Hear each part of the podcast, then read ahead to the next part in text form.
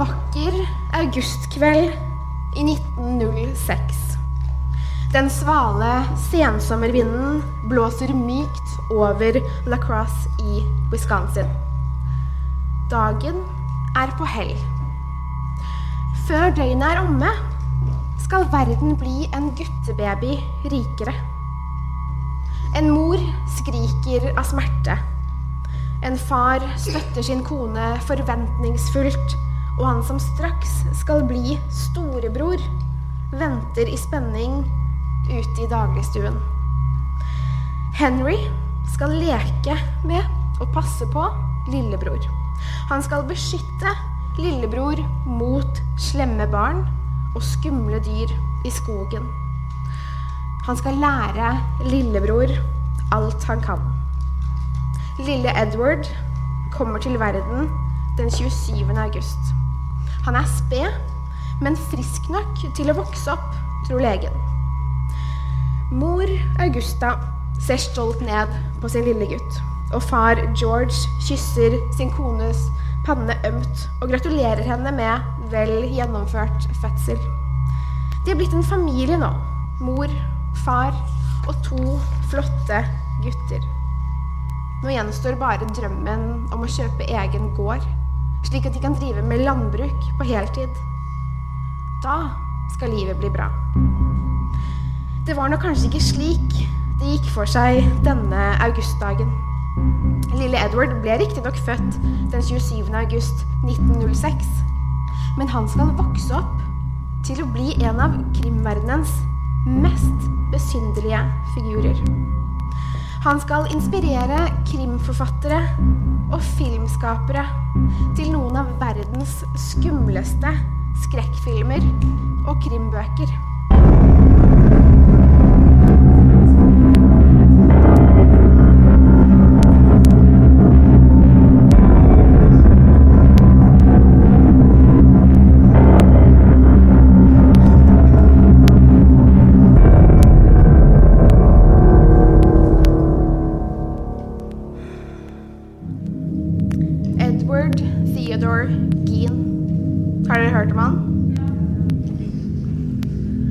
Kanskje du har hørt om Motorsagmassakren?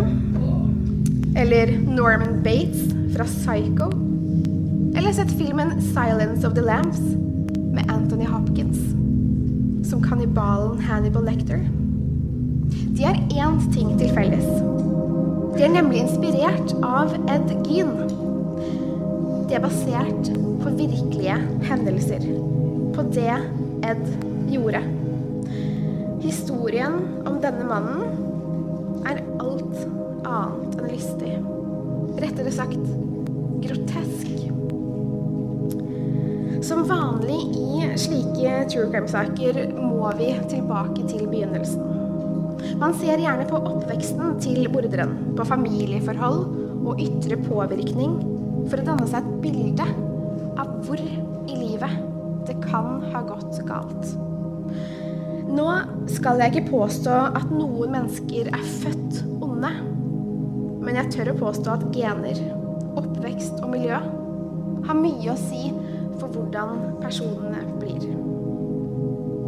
Så la oss se på hvordan det hele begynte, og hvordan det utviklet seg til å gå så galt som det gjorde.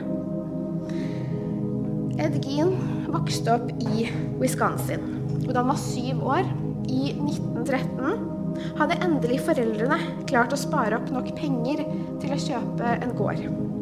Her bodde familien Gean i nesten et år før den beryktede gården i Plainfield, Wisconsin, ble kjøpt. Den gården fins ikke lenger. Og nå skal dere få høre historien om hvorfor. Ed Gean var en sjenert gutt, ifølge både lærere og elever ved skolen. Han snakket ofte med seg selv og kunne plutselig bryte ut i latter helt uten videre. De trodde kanskje han lo litt av sine egne tanker eller vitser. Ed var relativt god på skolen, men han var likevel ikke noe begavet barn. Han tok aldri noen utdannelse. Det kan faktisk ha noe å gjøre med at moren hans, Augusta, som var en meget gudfryktig og strengt religiøs kvinne, straffet han hver gang han prøvde å skaffe venner. Og han fikk bare lov til å forlate familiegården for å gå på skolen. Ellers måtte Ed og broren Henry være hjemme og hjelpe til med gårdsdriften. Augusta satte av timer hver ettermiddag for å lese fra Bibelen for sønnene sine. Hun lærte dem at kvinner var horer og tjente djevelen. Mennesket var ondt, alkohol var djevelens drikk, og at dommedagen snart ville komme. Hun leste historier fra Det gamle testamentet med spesielt groteske fortellinger om drap, dommedag og straff. Augusta fikk guttene til å frykte Gud, mennesker og spesielt kvinner. Men hvor var faren oppi alt dette? Han var dessverre en meget alkoholisert mann som både slo sin kone og begge sønnene. Augusta hatet han overalt på jord. Kanskje med rette.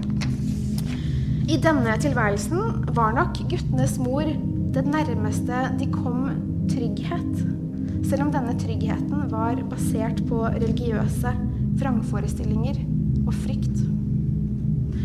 I 1940 døde faren deres av hjertesvikt som følge av den voldsomme alkoholmisbruket. Moren Augusta var glad til. Nå hadde hun guttene for seg selv, selv om de var voksne. Henry ertet ofte lillebroren Ed, selv i voksen alder, for hans nære forhold til moren. Han mente at Ed var besatt av henne, og at moren var hans store kjærlighet. Ed ble lei seg for dette og forsvarte moren så godt han kunne. Men Henry hadde rett. Ed hadde et sykelig nært forhold til sin mor. Og selv om det ikke er bekreftet, så gikk det rykter om at Ed og moren sov i samme seng etter farens død. En dag i 1944, da Ed og Henry skulle brenne løv og avfall på tomten, gikk brannen over styr. Flammene sto plutselig rundt dem. Varmen var intens. Låven tok fyr, og naboer fikk heldigvis varslet brannvesenet. Det tok flere timer før brannen var slukket, og i alt oppstyret med å redde låven var Henry forsvunnet. Ed og noen naboer lette i timevis, men fant ingen tegn til Henry noe sted. De så seg til slutt nødt til å melde han savnet til politiet. Etter hvert ble Henry omsider funnet. Men han var død. Det var ingen klar dødsårsak. Politiet antok at han hadde dødd av et hjerteinfarkt, da det ikke ble funnet tegn på at brannen hadde tatt ham. Henry ble aldri obdusert, og i senere tid skulle spørsmålet om Ed kunne ha drept broren sin og startet brannen for å skjule det han hadde gjort, et tema. Nå var det bare Ed og moren Augusta igjen. I løpet av få år hadde de mistet to nære familiemedlemmer. Det virket som det gikk greit likevel. Ed fant seg strøjobber som handyman og faktisk barnevakt i den lille byen. Moren hans holdt seg på gården. Hun hadde få venner og fikk aldri besøk. Året etter Henrys død ble Augusta syk og fikk et kraftig og paralyserende slag som gjorde henne ute av stand til å ta vare på seg selv. Ed, som den trofaste sønnen han var, pleiet henne. Han vasket henne, gredde håret hennes, sminket henne og kledde henne. Han matet moren sin tre ganger om dagen og passet på at hun hadde alt hun trengte. Ed viet livet sitt til henne. Ed som den trofaste Beklager. I desember 1954 fikk Augusta enda et slag og døde kort tid senere. Ed var fullstendig knust etter morens død. Han ville ikke stå opp, vaske seg eller spise. Han skrek og gråt så høyt at naboene hørte han om natten. Flere og flere trakk seg unna. Det å miste en man er så nære, er uendelig trist. Men vanligvis blir sorgen lettere å leve med etter hvert som tiden går. Men ikke for Ed. Han kom seg aldri etter Augustas død. Og det var nå det skulle gå galt med Ed. Ed var nå alene igjen på gården. Han isolerte seg mer og mer og tok bare strøjobber når han virkelig trengte penger. Ed var fortsatt knyttet til moren, selv om hun var død. Kanskje den barnlige kjærligheten, eller frykten for henne, fikk han til å gjøre som moren sa, selv etter hennes død. Han låste av morens soverom og flere andre rom som moren ofte brukte i det store huset. Ed levde bare på et lite rom ved siden av kjøkkenet. Det var også rundt denne tiden Ed fant interessen for det okkulte og makabre. Han leste blader og bøker om drap og ofringer, og fattet også interesse for nazikulturen, som jo hadde herjet i Europa de seneste årene. En dag i november 1957 forsvinner en middelaldrende kvinne ved navn Bernice Warden sporløst. Hun eide en jernvareforretning i sentrum av Plainfield, og svigersønnen hennes fant blodspor på gulvet ved kassen. Politiet så seg rundt i butikken og fant ut at den siste kvitteringen dagen før var signert Ed Gean.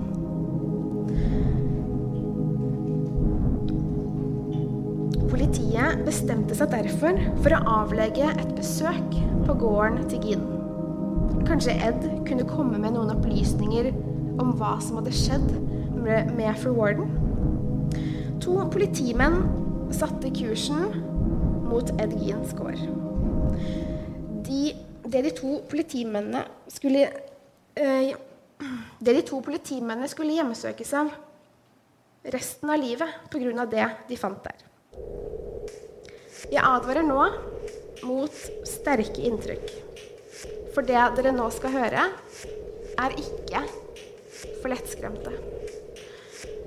På gården fant de ikke Ed med det første. De gikk derfor litt rundt på gårdsplassen for å se seg rundt. Inne i låven kunne det se ut som om det var noen, og de gikk inn. Det var ganske mørkt inne i låven men politimennene hadde med seg lommelykt. Plutselig treffer lyset noe som henger fra en bjelke i taket. Den ene politimannen tror det kan være et rådyr som er hengt opp opp ned for å lettere kunne fjerne innvollene. Siden buken var åpnet. De gikk nærmere og fikk til sin forskrekkelse se at det ikke var et rådyr, men Bernice Wardens nakne kropp som hang etter føttene fra den lave bjelken. Buken var åpnet og innvollene borte.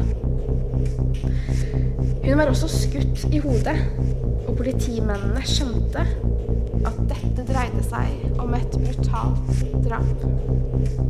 Men snille, sjenerte Ed, hadde han gjort dette? De bestemte seg for å kalle på forsterkninger.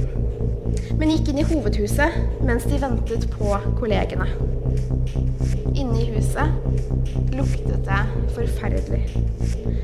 Det var søppel, avføring og gamle matrester over hele gulvet. Flere rom var låst. De åpnet kjøleskapet, og der fant de et avkappet hode.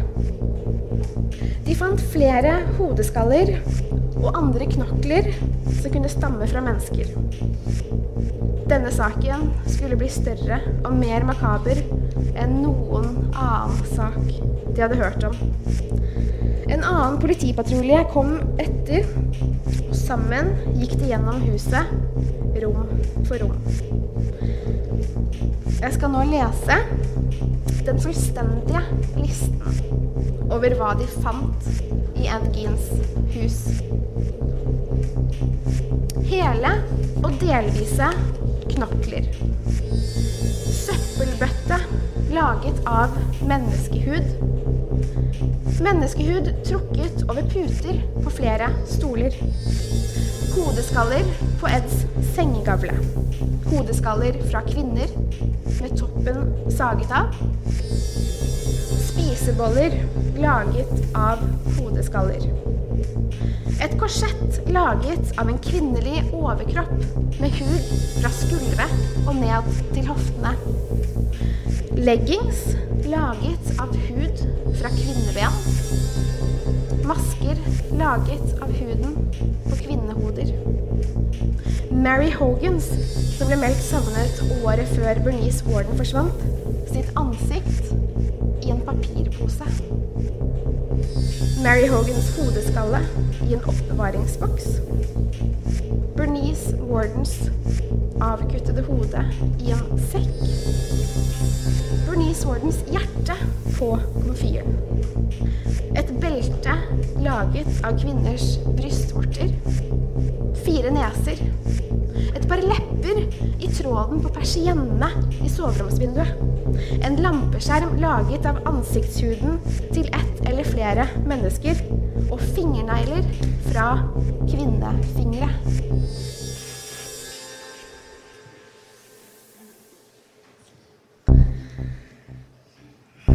Alle disse groteske funnene ble møysommelig fotografert og senere destruert da etterforskningen var ferdig. Politimennene som fant alt dette, slet veldig i senere tid med det de hadde sett hos Ed Gein, forståelig nok. Etterforskningslederen døde av et hjerteinfarkt noen år senere. Og familien hans mente at det kom av det psykologiske stresset han opplevde i denne saken. Etter at Ed Gein ble arrestert, ble han sendt til sykehus for psykiatrisk vurdering. Det sier seg jo nesten selv at denne mannen ikke var psykisk frisk. Han fikk etter en tid diagnosen paranoid schizofreni, som tilsier at han led av alvorlige vrangforestillinger. Schizofreni ligger latent hos de som får diagnosen, men sykdommen slår ikke ut på alle. Jeg vil også poengtere at det Ed Gein gjorde, ikke er vanlig for folk som lider av schizofreni. Under avhør med politiet innrømmet Ed hva han hadde gjort, men påsto hardnakket at han ikke hadde drept Bernice Warden eller Mary Hogan med vilje. Han forklarte hvordan han hadde skaffet alle kroppsdelene han hadde hjemme. Gården han bodde på, lå nemlig i nærheten av en kirkegård. Og det var hit Ed Gein gikk om nettene for å grave opp relativt nye graver og ta med seg deler av kroppene hjem. Politiet spurte han også om han noen gang hadde tydd til nekrofili. Men det nektet han for, og sa at de luktet for vondt. Man kan jo da spørre seg hvorfor han orket å bo i huset med de råtne kroppsdelene. Ed Gein levde resten av livet sitt på Mendota State Hospital, et psykiatrisk sykehus i Wisconsin. Her levde han et stille og tilbaketrukket liv. Han ble sett på som en mønsterfange som aldri skapte problemer for verken ansatte eller pasienter. Det kunne virke som han trivdes der. I 1984, 77 år gammel, døde Ed Gein av hjertesvikt som følge av kreft. Han ble begravet ved siden av sin mor, men gravstenen ble vandalisert og stjålet flere ganger. Til slutt måtte den flyttes til sheriffkontoret i kommunen, og graven hans står umarkert i dag. Ed Geins gård og land skulle selges på auksjon etter at han ble arrestert. Saken om Ed ble såpass stor i omfang at ingen i byen kunne tenke seg å kjøpe gården eller å bo der. Dagen før auksjonen brant gården på mystisk vis ned til grunnen. Politiet fant aldri ut hvem som startet brannen. Det kan tenkes at det forskrekkede innbyggere kan ha gjort det for å fjerne minnet minne om hva som hadde skjedd i byen deres. Men det er kun spekulasjoner. True Crime-podden forlater Plainfield, Wisconsin og kommer tilbake igjen til vakre og litt skumle Fredrikstad. Vi er så takknemlige for at dere har tatt turen hit i kveld, og for at dere trofast hører på oss hver uke. Vi åpner straks for spørsmål, men først må jeg si noe dere kanskje kjenner igjen. Til neste gang, pass på dere selv, og takk for at du har hørt på True Crime Podden.